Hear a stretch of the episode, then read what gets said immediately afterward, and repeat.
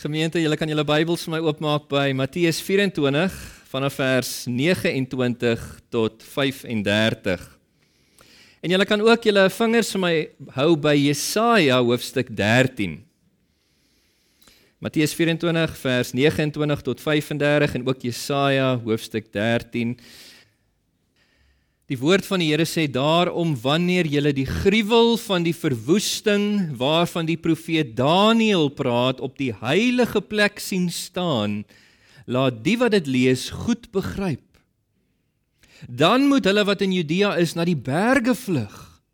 Wie op die dakstoep is, moenie onder toe gaan in sy huis en om besittings uit sy huis te gaan haal nie.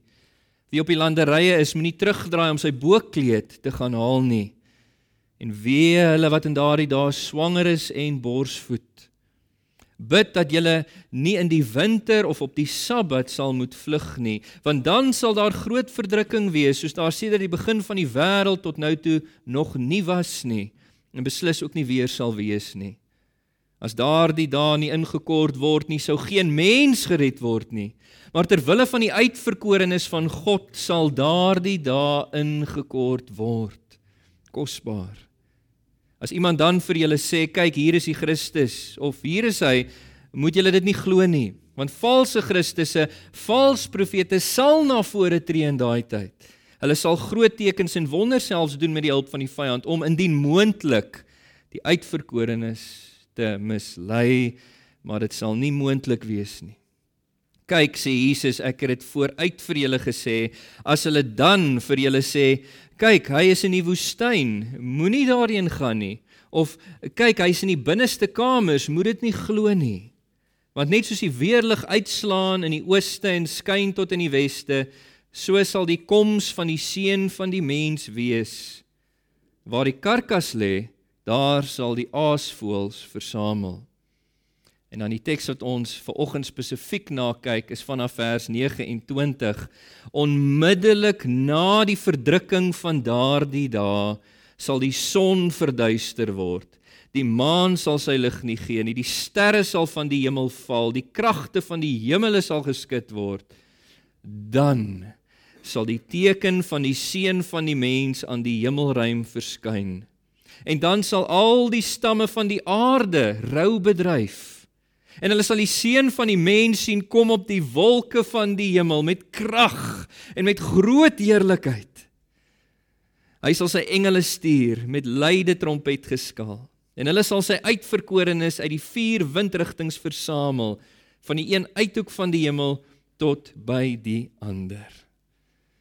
Leer hierdie les van die vyeboom sê Jesus, sodra sy takke begin sag word en die blare uitstoot, weet julle dat die somer naby is. En so moet julle ook wanneer julle al hierdie dinge sien, weet dat dit naby is voor die deur.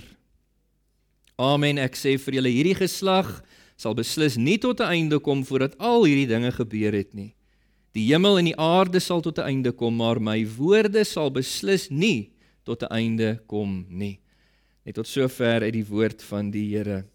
Ons is steeds besig met ons studie oor Bybelse eskatologie.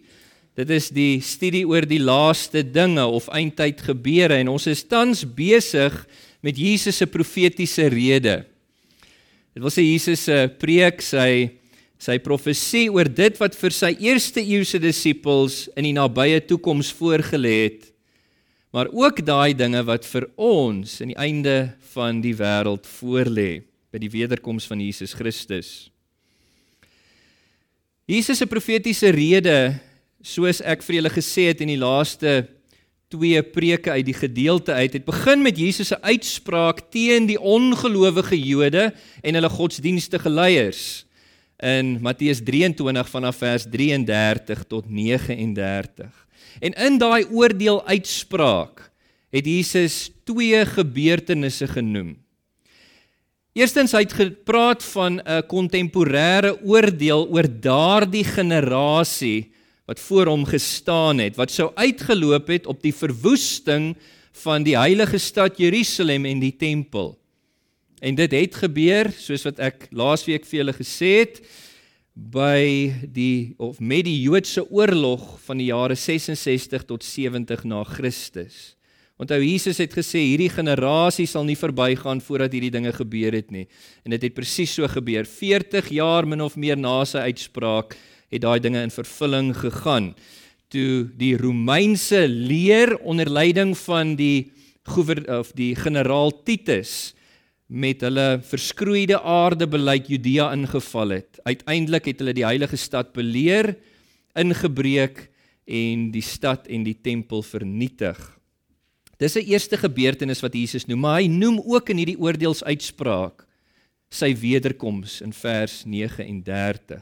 En dan wanneer Jesus en sy disippels die tempelterrein verlaat na daai laaste konfrontasie met die godsdienstige leiers, dan kom sy disippels na hom toe op die Olyfberg en hulle sê vir hom hulle vra vir hom na hierdie tweeledige gebeurtenisse. Hulle vra Here, wanneer Matteus 24 vers 3, wanneer sal hierdie dinge wees? Met ander woorde, wanneer sal daai kontemporêre oordeel val op die Jode, op Jerusalem, op die tempel? En wat is die teken van u koms en die volëinding van die wêreld? 'n Tweeledige vraag. En dan antwoord die Here Jesus Christus hierdie vraag in Matteus 24 vanaf vers 4 tot aan die einde van hoofstuk 25 en hy praat oor die gebeure van die einde soos ek vir julle verduidelik het in Matteus 24 vanaf vers 4. Daai gebeure wat sou eskaleer voor 70 na Christus se vernietiging van Jerusalem en die tempel. Ehm um, toe die ou verbondbedeling regtig tot 'n einde gekom het.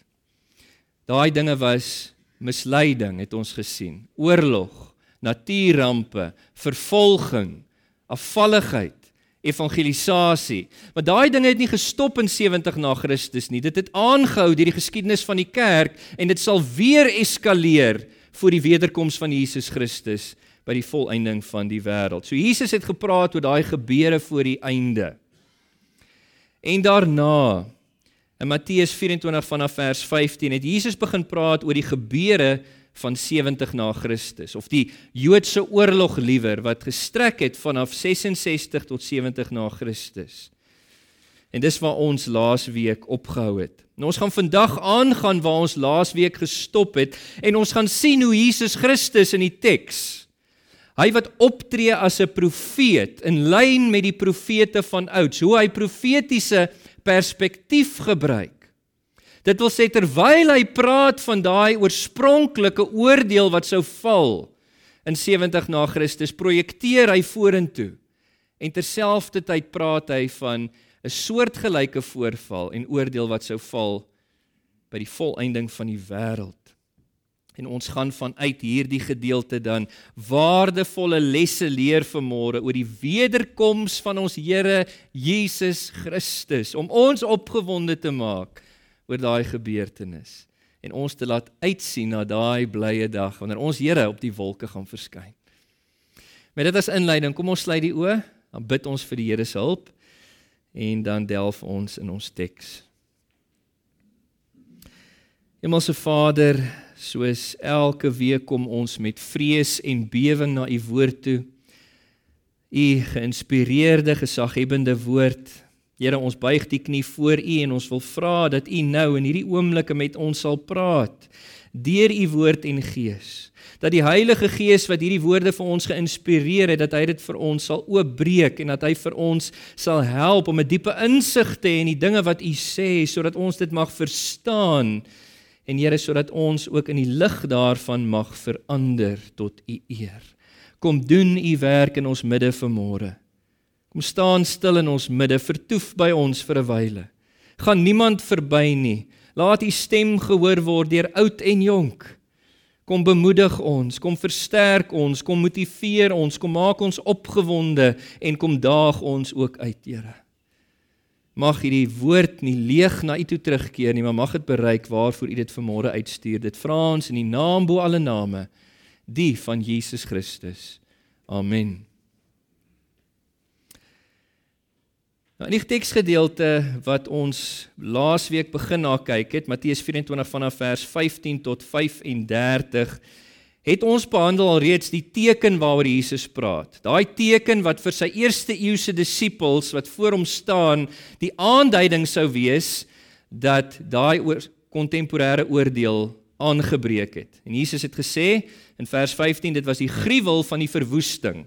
En ons het geleer uit die parallelle teks in Lukas 21 vers 20 dat Jesus het daar gepraat van wanneer jy die Romeinse leers op die heilige plek sien besig om die heilige stad te omsingel, dan weet julle dat daai kontemporêre oordeel het nou aangebreek. Ons het gekyk na Jesus se bevel aan hulle. Wanneer julle dit sien, dan moet julle vlug, want daai oordeel wat sou val op daai generasie sou skielik wees. Dit sou swaar wees. Ons het gekyk ook na Jesus se waarskuwing oor misleiding in daai tyd wat sou ontstaan onder die Jode wat vasgekeer is binne in die stad terwyl hy beleer word. Ons kan dit verstaan. Hulle sou versmag het om verlos te word van daai haglike omstandighede. En daar sou baie dwaaling versprei het onder die Jode oor sy koms.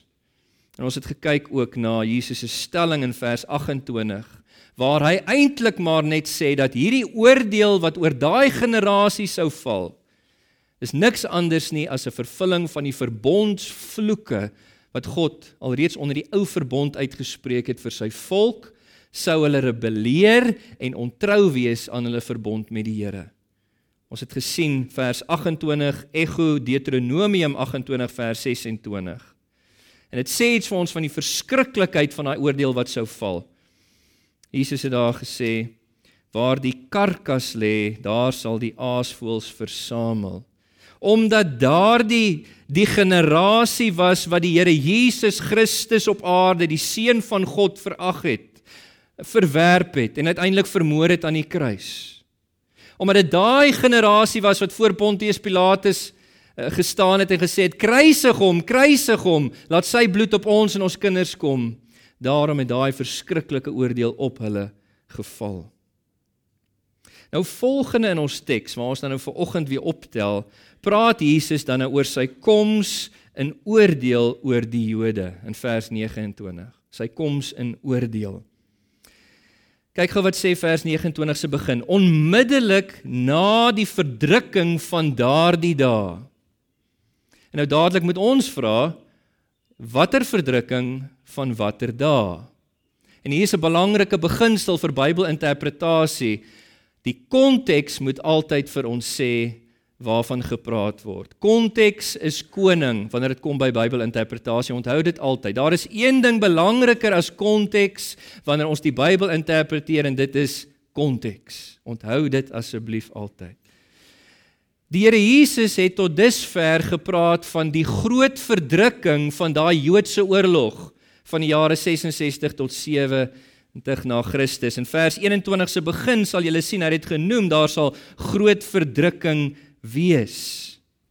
Nou ek het laasweek so bietjie daai verdrukking beskryf. Ek kan dalk hier net vinnig weer sê vir daai tyd wat die Jode vasgekeer was in die stad met die Romeinse weermagte rondom. Lees ons dat die geskiedkundige skrywer skryf, veral Josefus, oor die faksies onder die Jode in die stad. Daar was 3 faksies gewees wat met mekaar beklei het. So hierdie oorlog was nie net van buite die stadsmure af van die Romeine nie, dit was ook onder die Jode. Hulle was regtig besete gewees op daai stadium. En daai faksies het die kosvoorrade wat daar in Jerusalem was vernietig. En dit het 'n hongersnood situasie binne in die stad veroorsaak. Julle sal onthou ek het genoem Josefus praat van moeders in daai situasie wat selfs hulle kinders opgeoffer het vir voedsel. So hagelik was daai hongersnood situasie en net as 'n synota, jy hoef nie so intoe te blaai nie. Maar ehm um, ook dit was deel van die Here se verbondsvloeke oor sy volk. Sou hulle ontrou wees aan die verbond. Deuteronomium 28 vers 52 tot 53 sê God sal dan 'n leer stuur teen sy heilige volk. Hy sê Daai leer sal jou beleer in al jou stadspoorte totdat jou hoë versterkte stadsmure waarop jy vertrou oral in jou hele land intuimel. Ja, hy sal jou beleer in al jou stadspoorte in jou hele land wat die Here jou God vir jou gegee het. Tydens daai beleg, let nou, daai belering en midde in die angs waarmee jou vyand jou gaan tuister, sal jy die vrug van die moederskoot eet. Die vleis van jou seuns en jou dogters wat die Here jou God vir jou gegee het. Josefus teken op dat dit gebeur het en dit is dit is opvallend met hoeveel detail Jesus hierdie dinge voorspel het en hoe hoe dit vervul is in daai Joodse oorlog van 66 tot 70 na Christus. En in daai hongersnood situasie in die stad het die Jode mekaar uitgebuit. Daar was grootskaalse diefstal, daar was moord. En weens die grootskaalse lewensverlies binne die stad omdat die Romeine van buite af beklei, die Jode binne beklei, hulle kon nie daai lyke begrawe nie. Dit het in die oopte gelê en ontbind en gevrot en dit het pestsiektes tot gevolg gehad in daai stad, epidemiese situasie wat daar ontstaan het. Baie van die Jode het probeer vlug uit die stad uit om dit te ontkom. En dan teken Josefus op, dit word beweer dat daar plus minus 500 Jode per dag in daai oorlog gevang was en gekruisig was rondom die stede om angs in te boesem onder die wat binne die stadsmure was. En uiteindelik het daar 1.1 miljoen mense min of meer gesterf in daai oorlog. Dis die groot verdrukking waarvan of waarna verwys word hier in Matteus 24 vers 29 onmiddellik na die verdrukking van daardie dae. Nou Jesus gee te kenne hier met hierdie woorde dat daai groot verdrukking tydens daai oorlog van die jaar 66 af was net die oploop tot die uitstorting van die toren van God in die jaar 70 na Christus. Na die uh, verdrukking van daai belering het God sy toren uitgestort aan die einde van die Joodse oorlog. Onthou die teks sê onmiddellik na die verdrukking van die dae in die jaar 70 na Christus toe die Romeine deur die mure breek en daai grootskaalse slagting van alles wat voorgekom het plaasgevind het. Toe het daai profesie van Daniël waarvan praat was in vers 15, die gruwel van die verwoesting plaasgevind. Dis waarvan hier gepraat word. Lees gou vers 29 saam met my. Onmiddellik na die verdrukking van daardie dae sal die son verduister word. Die maan sal sy lig nie gee nie. Die sterre sal van die hemel val. Die kragte van die hemele sal geskit word. Nou ons is geneig wanneer ons hierdie tipe taal lees, dan dink ons dadelik einde van die wêreld. Maar ons moet nie te vinnig wees om so intoe te spring nie, né? Onthou Jesus tree hier op as 'n profeet en hy profeteer dit wat in die nabye toekoms vir sy eerste eeuse disippels voorgelê het. En hy hy profeteer in lyn met Ou Testamentiese profete wat male sonder taal verwys het in kosmiese taal van 'n simboliese aard na die oordeele van God oor nasies en volke. En hier wil ek hê julle moet saam met my blaai na Jesaja hoofstuk 13 toe. Ons moet toelaat dat die Bybel vir ons die Bybel interpreteer hier. Jesaja 13 Lees in die begin van hierdie profesie vers 1 sê dit is 'n profesie oor Babel, Babylon, wat aan Jesaja die seun van Amos geopenbaar is. En dan lees gou saam met my verse 9 en 10. Dit sê kyk die dag van die Here is aan die kom, wreed vol van gramskap en brandende toorn om die aarde 'n skrik skrikbeeld te maak om die sondaars van die aarde daarvan af te delg. Onthou dit is 'n profesie oor Babylon en dan ewe skielik wanneer dit praat van die uitstorting van die oordeel van die Here in vers 10, ja, die sterre aan die hemelruim, die Orion met sy sterrebeelde laat nie meer hulle lig skyn nie. Die son word donker sodra dit opkom. Die maan straal nie sy lig uit nie. Kyk na vers 13. Daarom sal ek die hemel laat sidder. Die aarde sal uit sy plek geskit word vanweë die gramskap van die Here. Julle hoor. Kosmiese taal van apokaliptiese proporsies kan ons sê om die omvang van die toren van die Here te beskryf. Daar's baie voorbeelde waarna toe ek julle kan vat. Julle hoef nie so intoe te blaai nie, maar ek gaan julle ook vir julle Esegiel hoofstuk 32 voorlees. In Jesegiel hoofstuk 32 vers 1 en 2 sien ons in die 12de jaar In die 12de maand op die eerste dag van die maand het die woord van die Here tot my Esegiel gekom. Mensekind hef 'n treurlied aan oor die Farao, die koning van Egipte. 'n Uitspraak van God se oordeel oor Egipte en let op wat word gesê in verse 7 en 8. Wanneer ek jou uitdoof, sê die Here vir Farao, sal ek die hemelruim oordek. Ek sal sy sterre laat verdonker. Die son sal ek met wolke bedek. Die maan sal nie sy lig laat skyn nie. Al die ligbronne van die hemelruim sal ek bo jou laat verdonker. Ek sal duisternis oor jou land bring. Dit is die uitspraak van my Here, die Here. Julle hoor. Die toren van die Here in kosmiese proporsies beskryf en dit is presies wat Jesus dan ook hier doen as profeet oor sy volk. Kyk, ek wil dit bysê. By die volëinding van die wêreld sal daar ook kataklismiese gebeure wees. Ek meen ons het byvoorbeeld in 'n teks soos 2 Petrus 3 vers 10 wat 'n didaktiese gedeelte is waar Petrus praat en hy beskryf basies die vernuwing van hierdie hemel en aarde eh, tot die nuwe hemel en aarde wanneer Jesus kom. Hy praat van die hemele wat met gedruis verbygaan. Hy praat van die elemente wat sal verbrand. Hy praat van uh, die aarde en alles daarop wat ontbloot sal word. So dit kan ons verwag aan die einde van die wêreld. Maar binne konteks het vers 29 spesifiek te doen met Jesus se koms in oordeel oor die Jode. En tog terwyl Jesus besig is hier binne konteks om te profeteer oor daai kontemporêre koms en oordeel oor die Jode, dan gebruik hy profetiese perspektief. Nou profetiese perspektief, soos die teoloog daarna verwys, is 'n verskynsel van Bybelse profesie. Ek het vanoggend vinnig uh, dit genoem.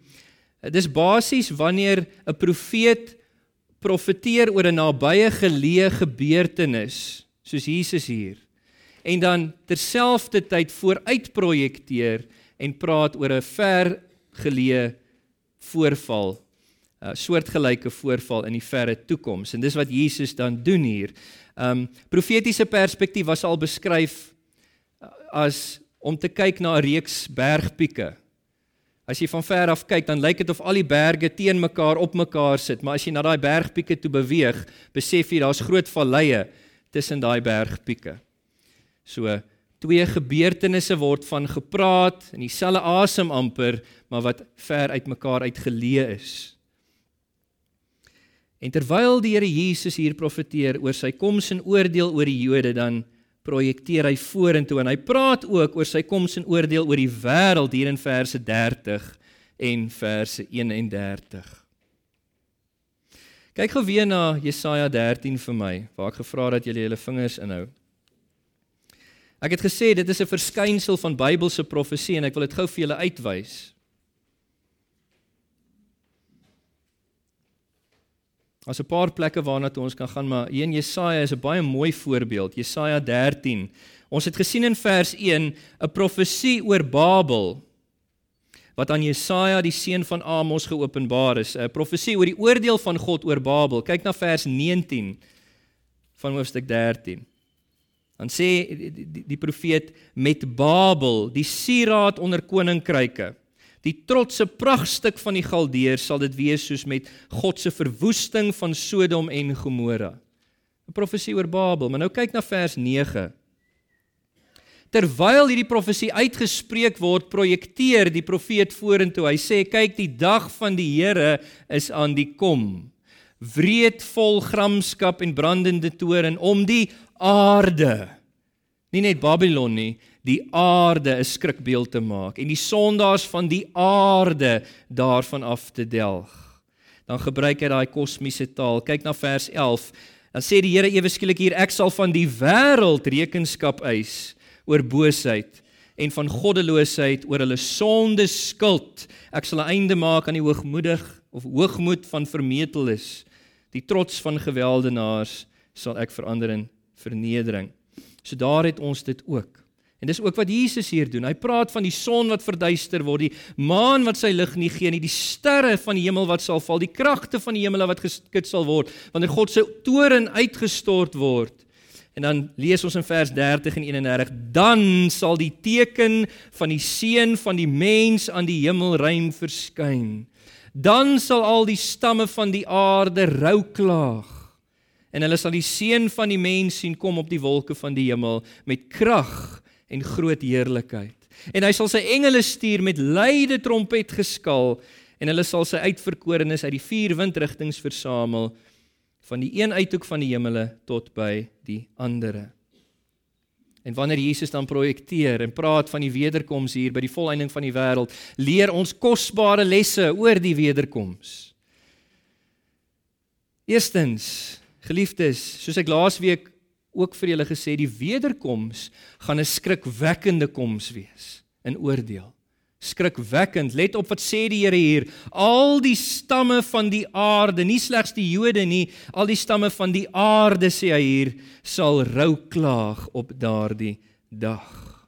2 Tessalonisense 1 vers 6 tot 10 praat van Jesus se koms as in vuur en vlam met sy heilige engele om wraak uit te oefen op hulle wat God nie ken nie en wat ongehoorsaam was aan sy evangelie.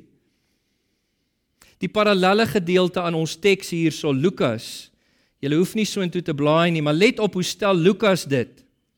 In Lukas 21 vers 26 en 27, hy sê dit gaan so skrikwekkend wees, mense sal flou val van vrees en vermoeden vermoedens oor wat die wêreld gaan tref want die kragte van die hemele sal geskit word en dan sal die seun van die mens op die wolke kom met krag en groot heerlikheid.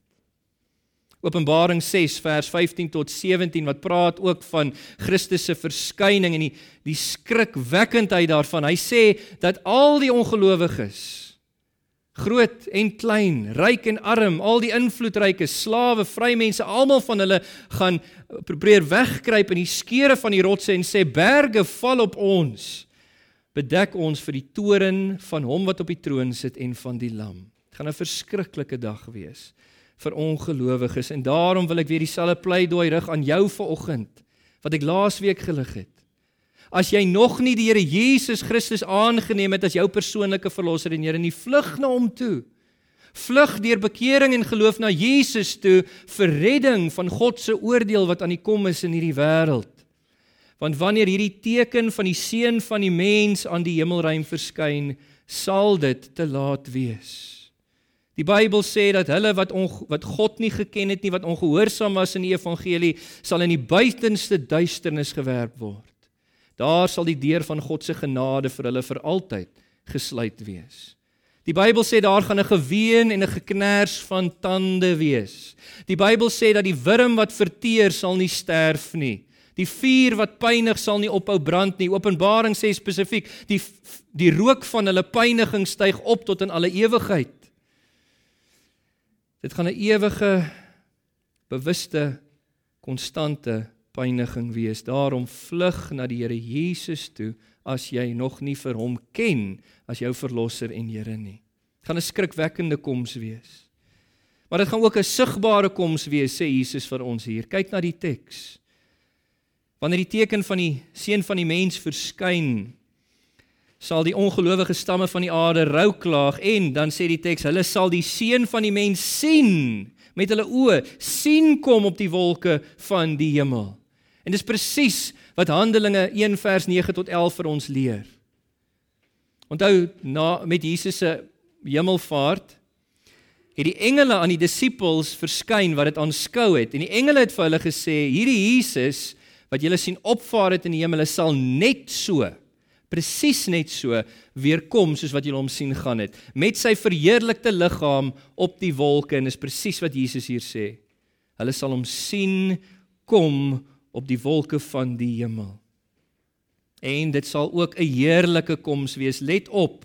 Jesus se woorde, dit sal wees 'n koms op die wolke van die hemel met krag en groot heerlikheid. Ek meen Jesus gaan gehul wees in die glorieryke glans, die majesteit, die heerlikheid van die Vader. Dit gaan iets asemrowends wees. Dink jouself in wanneer Jesus verskyn in krag en groot heerlikheid. Dit gaan ontzagwekkend wees. Die teks sê vir ons niemand gaan die krag van die Here Jesus waarin hy kom gaan kan teenstaan nie.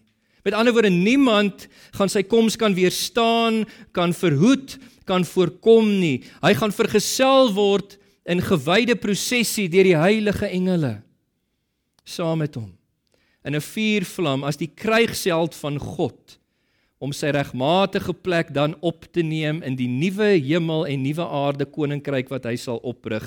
En hy sal sit as die koning van konings. Elke knie sal buig, elke tong sal bely dat hy is die Here. En hy sal wees wat hy ook nou is, maar net in ons fisiese teenwoordigheid. Hy sal wees die heerser oor die heelal. Hy sal wees die hoof oor sy kerk van alle tye en dit sal hy wees tot in alle ewigheid. Hoe heerlik gaan daai koms van ons Here nie wees nie in krag en groot heerlikheid. En alhoewel dit 'n skrikwekkende koms vir die ongelowige skares of stamme van die aarde gaan wees, gaan dit vir ons gelowiges 'n bevrydende koms wees. 'n Bevrydende koms. Let op, let op wat sê Jesus hier in vers 31. Dit sê hy sal sy engele stuur met luide trompet geskal. Daai laaste trompet word hier genoem wat ook in 1 Tessalonisense 4 vers 16 en 17 genoem word. Wanneer daai laaste trompet blaas, sal hy sy engele stuur. Hulle sal sy uitverkorenes uit die vier windrigtings versamel van die een uithoek van die hemele tot by die ander.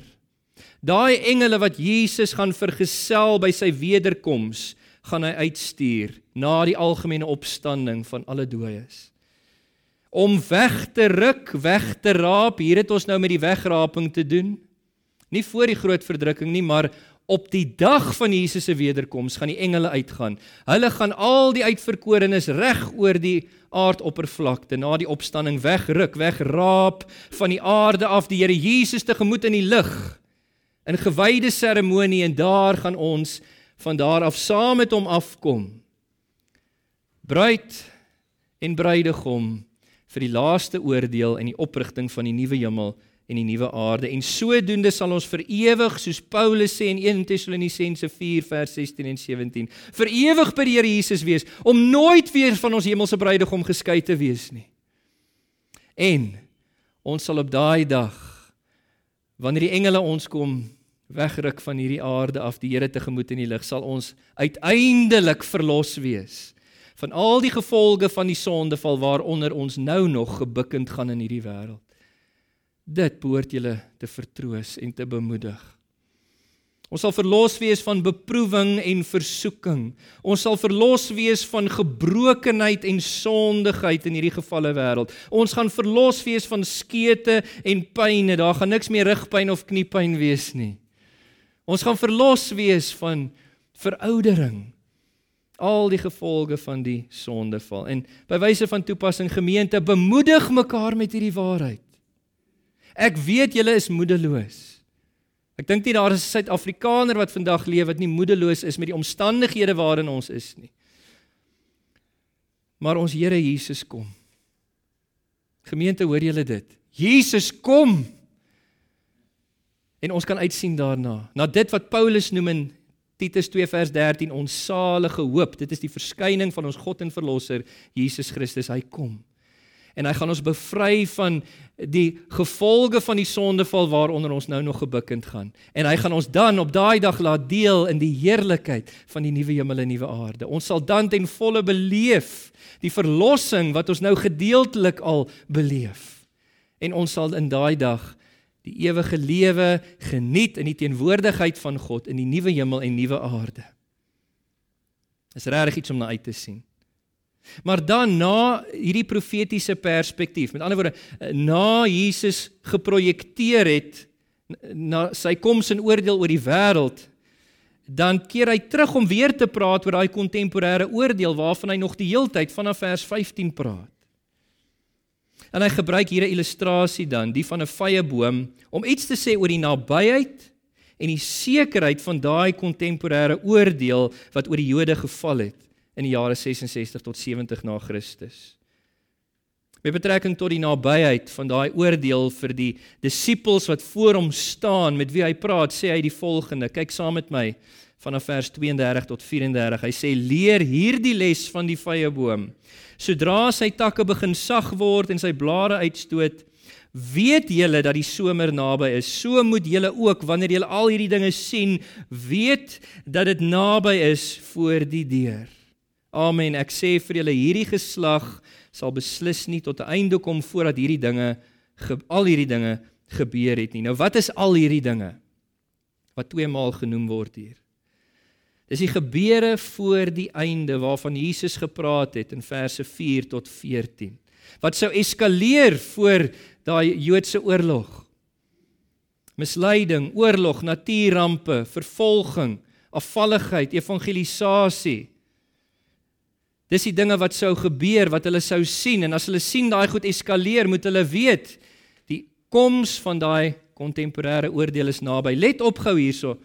Net in die vorige hoofstuk, vers 36 van hoofstuk 23. Kyk gou daarna. Jesus maak 'n soortgelyke stelling hierso. Let op wat sê Jesus.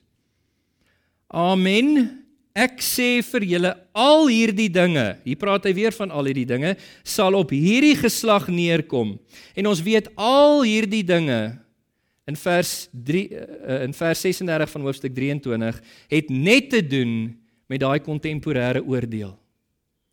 Wanneer Jesus dan die soortgelyke stelling maak net een hoofstuk later, kan ons aanneem binne konteks hy praat van dieselfde al hierdie dinge. Dis die dinge wat hulle sou sien in hulle dag wat sou eskaleer voor die Joodse oorlog.